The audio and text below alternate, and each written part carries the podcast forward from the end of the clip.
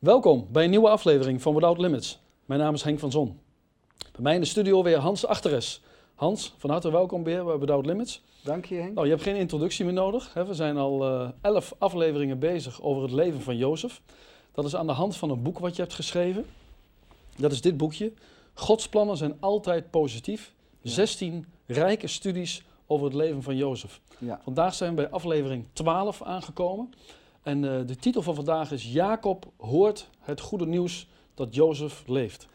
ja, dat is natuurlijk al iets heel bijzonders. eh, Dat eh, Jacob na zo onvoorstelbare lange tijd eh, gaat horen, Jozef leeft. Eh, we zullen ook natuurlijk eh, lezen en horen hoe hij daarop reageert.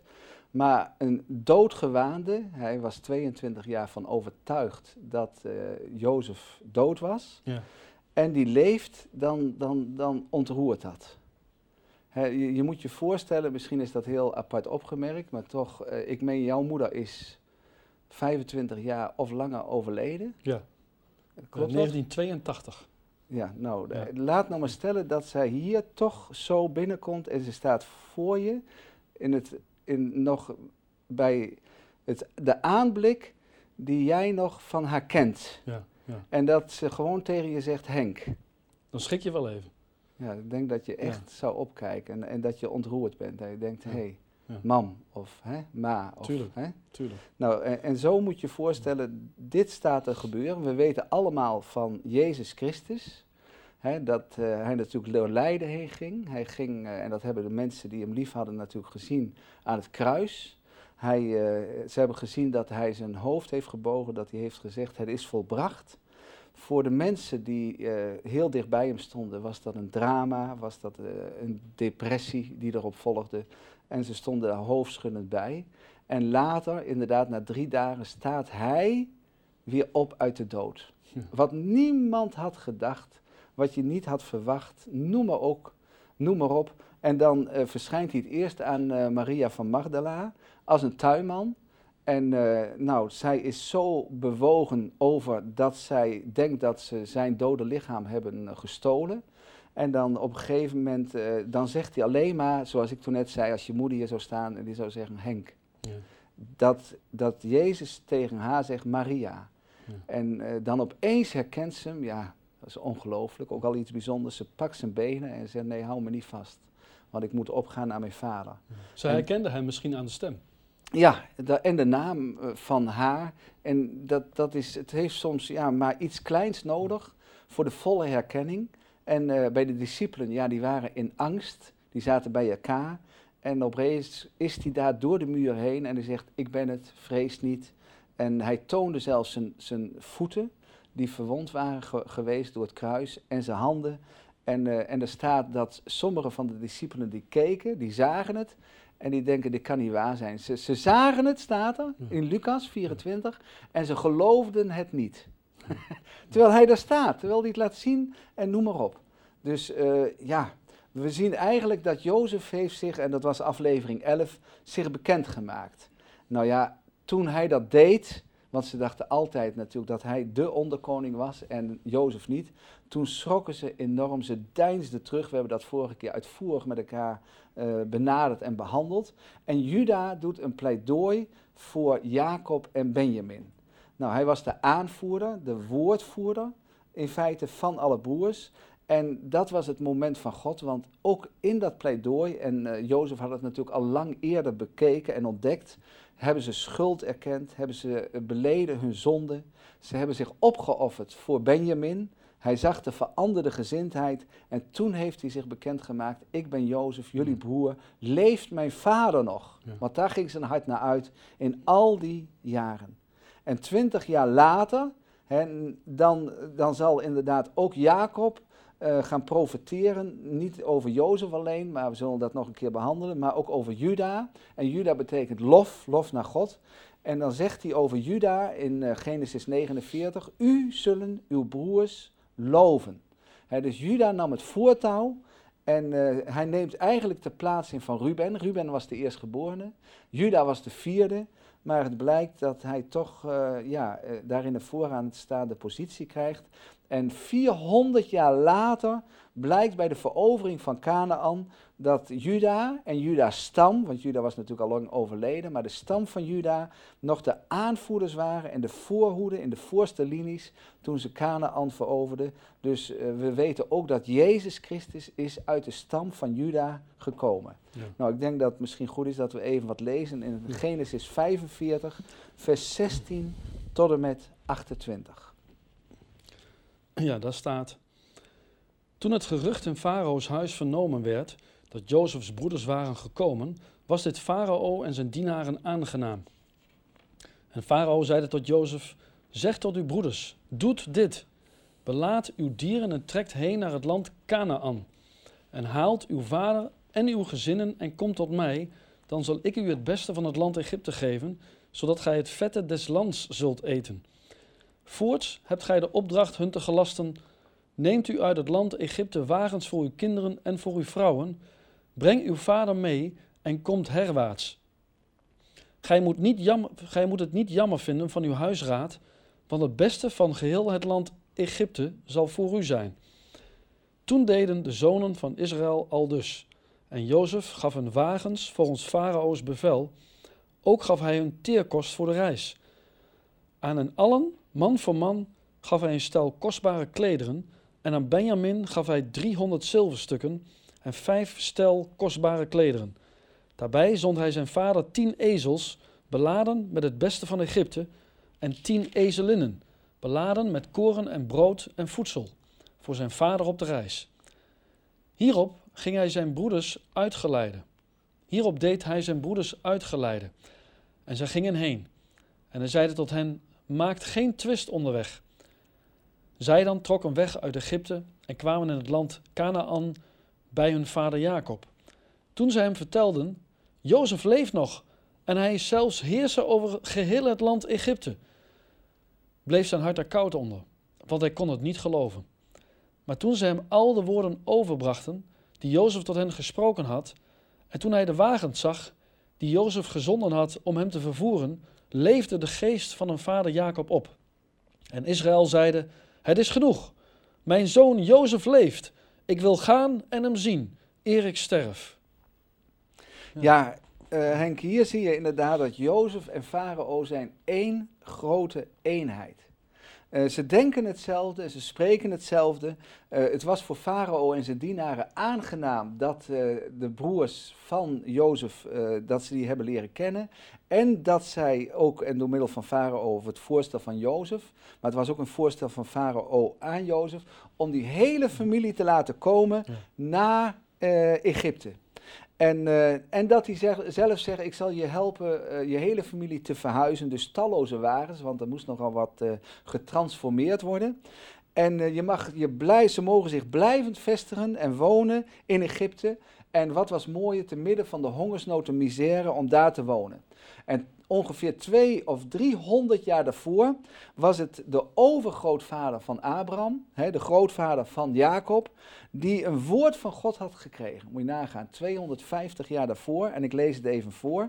Daar staat, en God zeide tot Abraham, weet voorzeker dat uw nakomelingen vreemdelingen zullen zijn in een land dat het hunne niet is, en dat zij hen dienen zullen, en dat die van hun zullen, en dat die hen zullen verdrukken 400 jaar. Dus Farao zal meewerken aan dit woord van God, dat hij hun uitnodigt, kom in Egypte. Ja, Zij waren er toen nog maar met 70, maar het zullen er 2 miljoen worden in uh, eh, 400 jaar. Dat was eigenlijk dus het begin uh, van de profetie die in vervulling ging. Ja, dat is zo machtig dat God laat altijd zien, zijn woord zal uitkomen. En het, zal inderdaad ze vestigen zich. Dat zal dan nog 400 jaar gaan duren. Maar daarna, dan zullen ze ook al na korte tijd dat ze daar wonen, misschien 30 of 40 jaar daarna, zal, zullen ze inderdaad tot een slavenvolk gaan worden. Deze ja, Israëlieten, deze Hebreeuwers. En uh, dan zullen ze verdrukt worden, zoals de profetie van God aan Abraham 250 jaar daarvoor al heeft gezegd.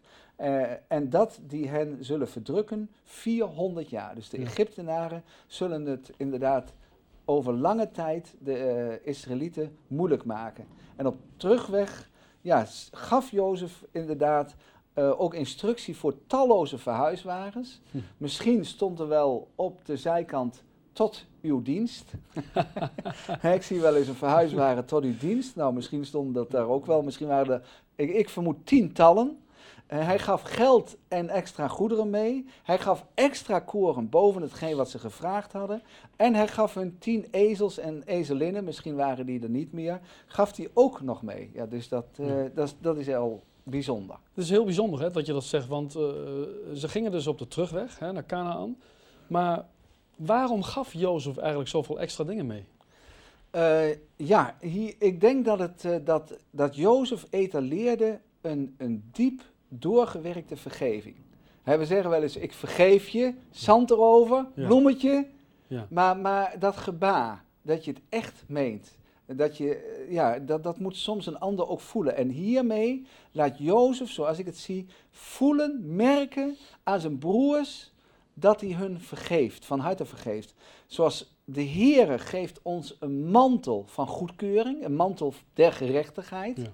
We, we zijn het niet waard, we zijn besmeurd, we zijn bevlekt. Maar de Heer zegt, ik geef jou en hij geeft aan mij witte klederen. En er staat, we hebben het net gelezen, hij geeft afzonderlijk. En dan zegt hij, hier Ruben, hier Simeon, hier Juda, hier Benjamin en noem maar op. Hier heb je van mij afzonderlijk een kostbaar koninklijk kleed. Dat is niet toevallig. Hij geeft hun afzonderlijk een kostbaar, inderdaad, koninklijk kleed. En Jozef, we weten het allemaal, begon met een geweldig bontgekleurde mantel die hij had gekregen van zijn vader. Daarna kreeg hij een slavenkleed door middel van Potifars eh, huis. Daarna kreeg hij een gevangeniskleed. Daarna had hij die kledij aan van een onderkoning. Dus je ziet al die verschillende kle- klederen, al die verschillende mantels hadden een betekenis. En dan is het ook zo bijzonder, hij gaf ook nog mee 300 zilverlingen Ja. aan Benjamin. Dus je ziet, zoals men wel eens zegt, een gouden draad. Je ziet een rode draad door de Bijbel, dat is het bloed van Jezus Christus. Maar je ziet hier bij Jozef een zilveren draad. Het begon inderdaad, hij werd verkocht met 20 zilverlingen. Tenminste, dat kregen ze ervoor. Daarna de zilveren beker. Daarna is de vergeving en de verzoening van Jozef volkomen voor zijn broers. Ik vergeef jullie, ik reken jullie dat kwaad wat jullie aan mij hebben aangedaan, en dat was niet weinig, de, wat daar het gevolg van was voor Jozef, ik vergeef jullie van harte. En de laatste keer dat, dat in feite eh, de broers iets aan Jacob gaven van Jozef, misschien weet je het wel, dat het is de laatste keer dat de broers iets van Jozef persoonlijk gaven aan Jacob. Dat was inderdaad het verscheurde, bebloede, veelkleurige mantel.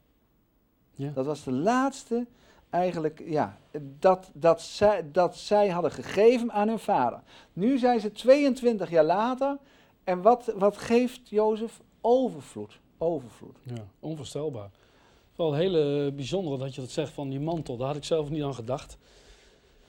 En eh, ja, het is wel triest eigenlijk, hè? Dat, je dan, dat dat het laatste is wat je geeft in 22 jaar aan je vader. Ja. is toch apart. Ja. Als je daar diep over nadenkt, is dat heel Ja. triest. Ja, dat, dat, eh, ja, dat, daar is zo, eh, nou vandaar, eh, zo'n diepe emotie zit daar. Vandaar dat we, ik meen dat we het ook gelezen hebben, dat, dat als ze elkaar ontmoeten, of we gaan het nog lezen, ja, dan, dan hangen ze elkaar Ja. onvoorstelbaar Ja. lang om de hals. Ja, En de tranen zijn overvloedig. Dat je in een normaal kommetje van 10 centimeter zou het vol raken, denk ja, ik. inderdaad.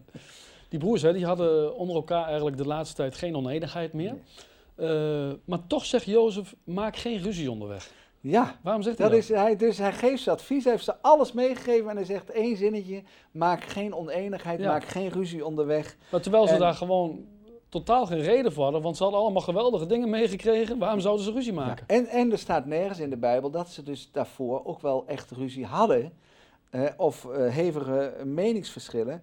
Maar daar kan hij, eigenlijk zegt Jozef, er kan, pas op, want er kan heel gauw onnodige strijd zich ontwikkelen. Nou, we weten uit het leven, hè, als mensen dat zich over kleine dingen, kan men soms daar, toch kan men daarover vallen. Of inderdaad, muggen kan men olifanten van maken. Maar in feite zou het kunnen zijn dat zij zeggen van, nou, laat me stellen dat iemand onderweg had gezegd tegen de broers, broers, laten we toch niks tegen vader zeggen. Laten we het in de doofpot houden. Waarom moeten we alles opbiechten? Nou, daar kun je al oneenigheid over krijgen. Andere had misschien gezegd, Simeon, jij moet maar tegen je vader zeggen wat, je, wat, je allemaal, wat er allemaal gebeurd is. Jij was degene die het initiatief nam en noem maar op. Een ander zou kunnen zeggen, hè, Ruben, van je hebt niet naar, jullie hebben weer niet naar me geluisterd. Moet je kijken wat we allemaal achter de rug hebben. Dus allerlei dingen kunnen een aanleiding worden tot ruzie voordat zij hun vader zouden ontmoeten. En wat kunnen wij als mensen, en dat meen ik, gauw verwijten maken? Wat kunnen we gauw iemand wat kwalijk nemen? En uh, ja, dan, dan ontstaat er afstand. Maar ik denk, eh, toen ik dat zo eraan dacht, dacht ik van, als we een ander verwijten maken, zoals men dat wel eens zegt, drie vingers naar onszelf. Laten we inderdaad leren om, om streng te zijn voor onszelf in ons oordeel en mild naar die ander. Laten we leren om te leren van God. God die kan ons wat verwijten maken, echt waar. Die kan ons wat verwijten maken. Maar hij zegt, de liefde van mij bedekt het. Mijn liefde van mij rekent het niet toe. Als je, als je zegt inderdaad hier, mijn zonde, dan zegt hij hier inderdaad in de diepte van de zee. iemand heeft gezegd, er staat verboden te vissen. Maar ik heb alleen al een keer waargenomen op televisie, als je meer dan zoveel meter probeert te zwemmen, nou, dan wordt het onmogelijk, want dan is de druk te groot. Maar er staat in de Bijbel, ik meen in Amos, aan het eind van het hoofdstuk Amos, dat hij de zonde van ons in de diepte van de zee. Nou, en die, ik meen dat de diepste zee is nog dieper dan de hoogste berg. Ja. Nou, dat, is, dat zijn de troggen. Nou, die liggen in de buurt van de uh, Filipijnen. Nou, dus, en als de Heer wat zegt, dan zal het wel kloppen. Maar wij hebben vaak heel gauw een oordeel over een ander. Hij denkt maar eens dat je iemand uitnodigt en die ander, ja, daar heb je al wel eens een keer iets uh, van opgemerkt. En ik kom te laat, hè, twintig minuten te laat. Zeg je tegen je vrouw, jongen, jongen, is die weer te laat? Klein verwijt. Ja. En die ander komt binnen en zegt, sorry, maar echt een enorme wegomlegging. Ja. Kijk, we weten het niet altijd. We weten niet alles, maar we kunnen soms een ander heel gauw verwijten. Ja. Maar ondertussen staat Jacob in Canaan op de uitkijk. Zou Benjamin erbij zijn? Wij hadden direct een mobieltje gepakt, dan wisten we alles. maar Jacob nog niet. Hè? Elk zieltje heeft een mobieltje. maar goed, Jacob nog niet. Hij kijkt uit en hij telt ze. Hij ziet ze in de verte. Hij heeft misschien ook zijn schoondochters gevraagd. Kijk eens als jullie mannen eruit komen. Hoeveel, hoeveel zijn ze? Met hoeveel personen? Zijn ze met elf? En inderdaad, het werd al heel gauw duidelijk elf. En ze kwamen vreedzaam aan en ze komen eigenlijk enthousiast te zeggen: Jozef leeft nog en hij is heerser van Egypte. Het komt min of meer uit één mond. En dan staat er, ja, dat is natuurlijk heel vreemd. Ja, dat hij eh, heel cool reageerde. Ja, dat, dat, is, dat is eigenlijk vreemd. Ja. Ik denk, hij was 22 jaar in een verdoving. En, uh, en, en hij reageert inderdaad vol ongeloof. Dit is te groots. Dit, is, dit kan gewoon niet waar zijn. Net wat ik net zei over, om het maar zo even uit te drukken, over je moeder. Die hier zou staan. Over inderdaad Jezus. Die zo door de muur staat hij daar. En hij zegt, vrede zij u. Ze herkennen zijn stem, ze zien hem. Hij laat nog wat zien. Hij zegt, geef me te eten dat ik het ben. En noem maar op. Ze zeggen, nee, dit kan niet waar zijn. Dus hij, hij verwierp het als onzin, of misschien heeft hij ze wel eens meer betrapt op leugentjes. Welk mens liegt niet. Dus dat hij denkt, onzin, wat voor een rare boodschap kom je nou mee aan? En eh, bij hem is de glans verdwenen uit zijn leven. Gods beloften, die waren er, maar ze waren als sterren voor hem, maar er zaten wolken tussen. Hij kon de sterren niet meer waarnemen. Ik denk dat zijn geloof ook in die jaren door de moeilijkheden verzwakt zijn. En hij liep mank. Hij had een ontmoeting met God. Hij wist het. Maar misschien dat hij ook met zijn gedachten zat, hoe kan het? Maar die zonen die merkten zijn koele en koude hart. En ze dringen bij hem op aan, na verloop van tijd, misschien na een uur of een half uur, en zeggen: Pa, luister, pa, luister, ga eens zitten. Wij willen alles vertellen wat, wat Jozef heeft verteld. Hij, hij, ik zal u vertellen, wij, en Jozef heeft dat ook gezegd en dat, dat klopt, wij hebben hem verkocht. Hij heeft zelf gezegd, jullie, zoals wij hier zitten, wij hebben hem verkocht. Wij hebben hem inderdaad, wij hebben u bedrogen. We hebben gezegd dat hij inderdaad hè, vermoord was door een dier. Maar we hebben u bedrogen, we hebben u geprobeerd te troosten. En ze hebben misschien ook, zoals ik de vorige keer zei, hun knieën gebogen. Zeggen, vergeef ons. Ja. Jacob, Ja. vader, vergeef ons. De eerste keer heeft hij gezegd, Jozef, toen hij zich bekend maakte, leeft mijn vader nog. Ze hebben gehuild en ze hebben zich verzoend en ze vertellen dat allemaal tegen Jacob. We hebben, we hebben met Jozef gehuild en hij heeft, zich, hij heeft ons vergeven. En Jozef zegt, het was, eh, eh, en vader, zo zullen ze gezegd hebben, Jozef zei, het was Gods bedoeling. Ja. Het was Gods bedoeling. Ik lees het hier nog een keer. Hij zei, Jozef zei, maar wees nu niet verdrietig en ziet er niet zo ontsteld uit.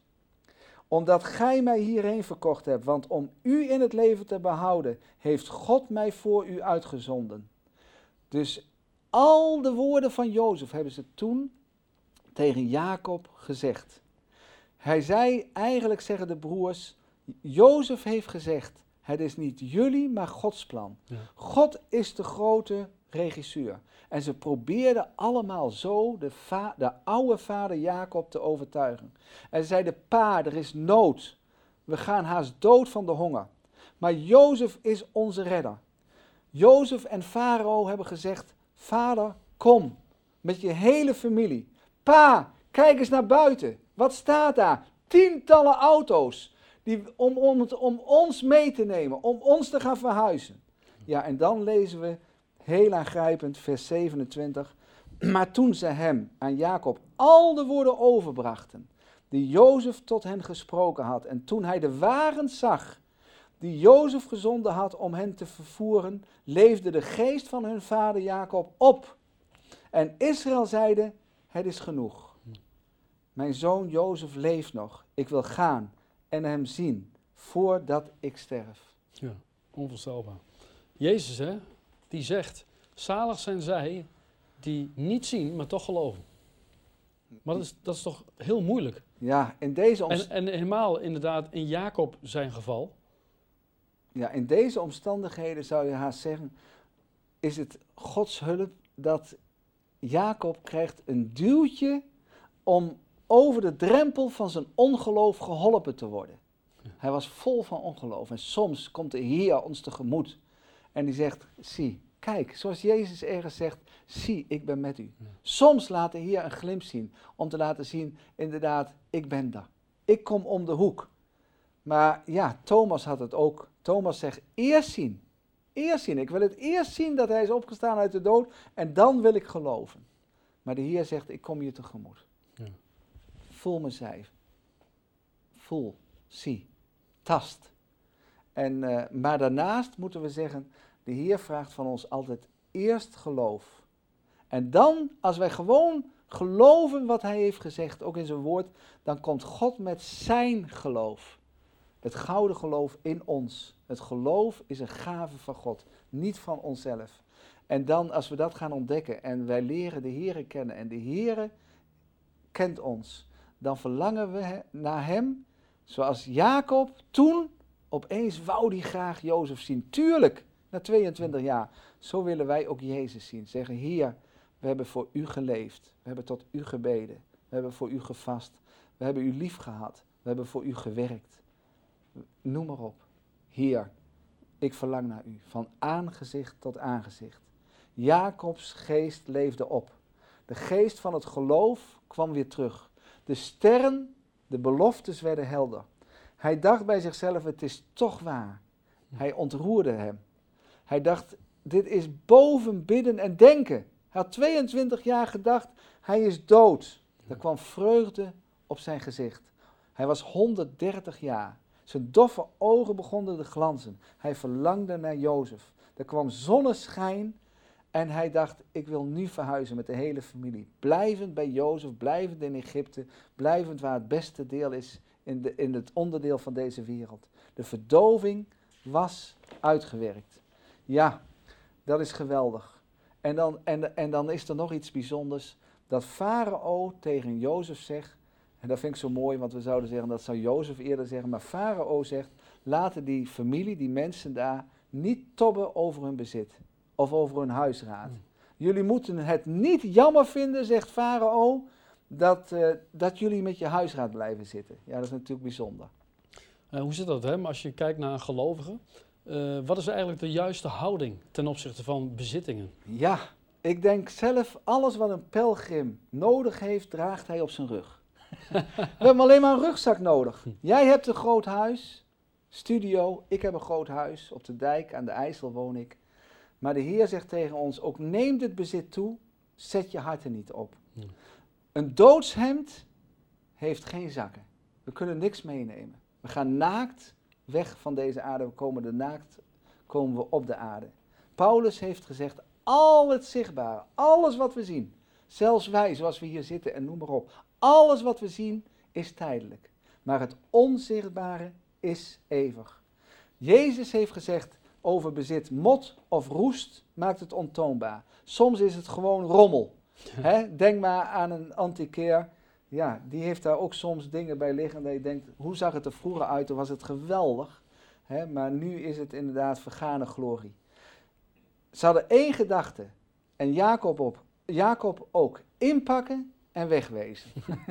nou, ik lees nog even een typologie voor van Jozef, een type van Jezus Christus. Jozef haalt zijn familie naar Egypte. Genesis 45. En Jozef gaf hun wagens, eten, een stel kostbare klederen, zilverstukken, twintig ezels met goede goederen en koren. Jezus Christus zegt in Johannes 15, vers 13: Niemand heeft grotere liefde dan deze, namelijk dat iemand zijn leven geeft voor zijn vrienden. Mooi. Prachtig, Hans. Heel mooi. Ik uh, moest net nog even denken toen jij het had over die bezittingen en wat onze juiste houding moet zijn. En het Nieuwe Testament, daar staat ook dat al het materiële ons is gegeven om rijk te zijn in goede werken, vrijgevig en mededeelzaam. Ja. Ik zeg altijd, wij worden gezegend zodat we anderen kunnen zegenen.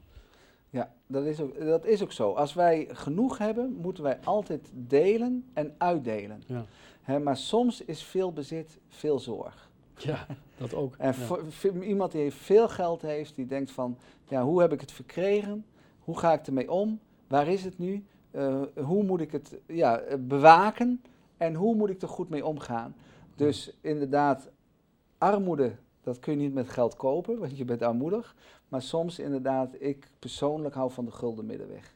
Ik zeg hier, geef mij nog armoede, nog rijkdom. Laat ik niet te arm worden, opdat ik niet ga stelen, want dat gevaar zou je kunnen lopen, dat je ongeoorloofde dingen doet. Maar laat ik ook niet te rijk zijn, opdat ik u vaarwel zeg. En denk ik ga met de boot naar hè, het zuiden, bij wijze van spreken, van Europa. En Tabé gemeente, Tabé geloof. Nou Hans, mooie afsluiting voor deze aflevering van Without Limits. Hartelijk dank. Ja, ik heb zelf ook weer veel geleerd. Wat jij echt uit het verhaal van Jozef haalt, dat is onvoorstelbaar. Je hebt er ook echt uren studies in zitten. En uh, ja, ik ben echt dankbaar dat je dat ja, met ons wilt delen. Het is uh, zoveel informatie en, en zoveel diepgang. En ik vind het echt uh, geweldig. Hartelijk dank.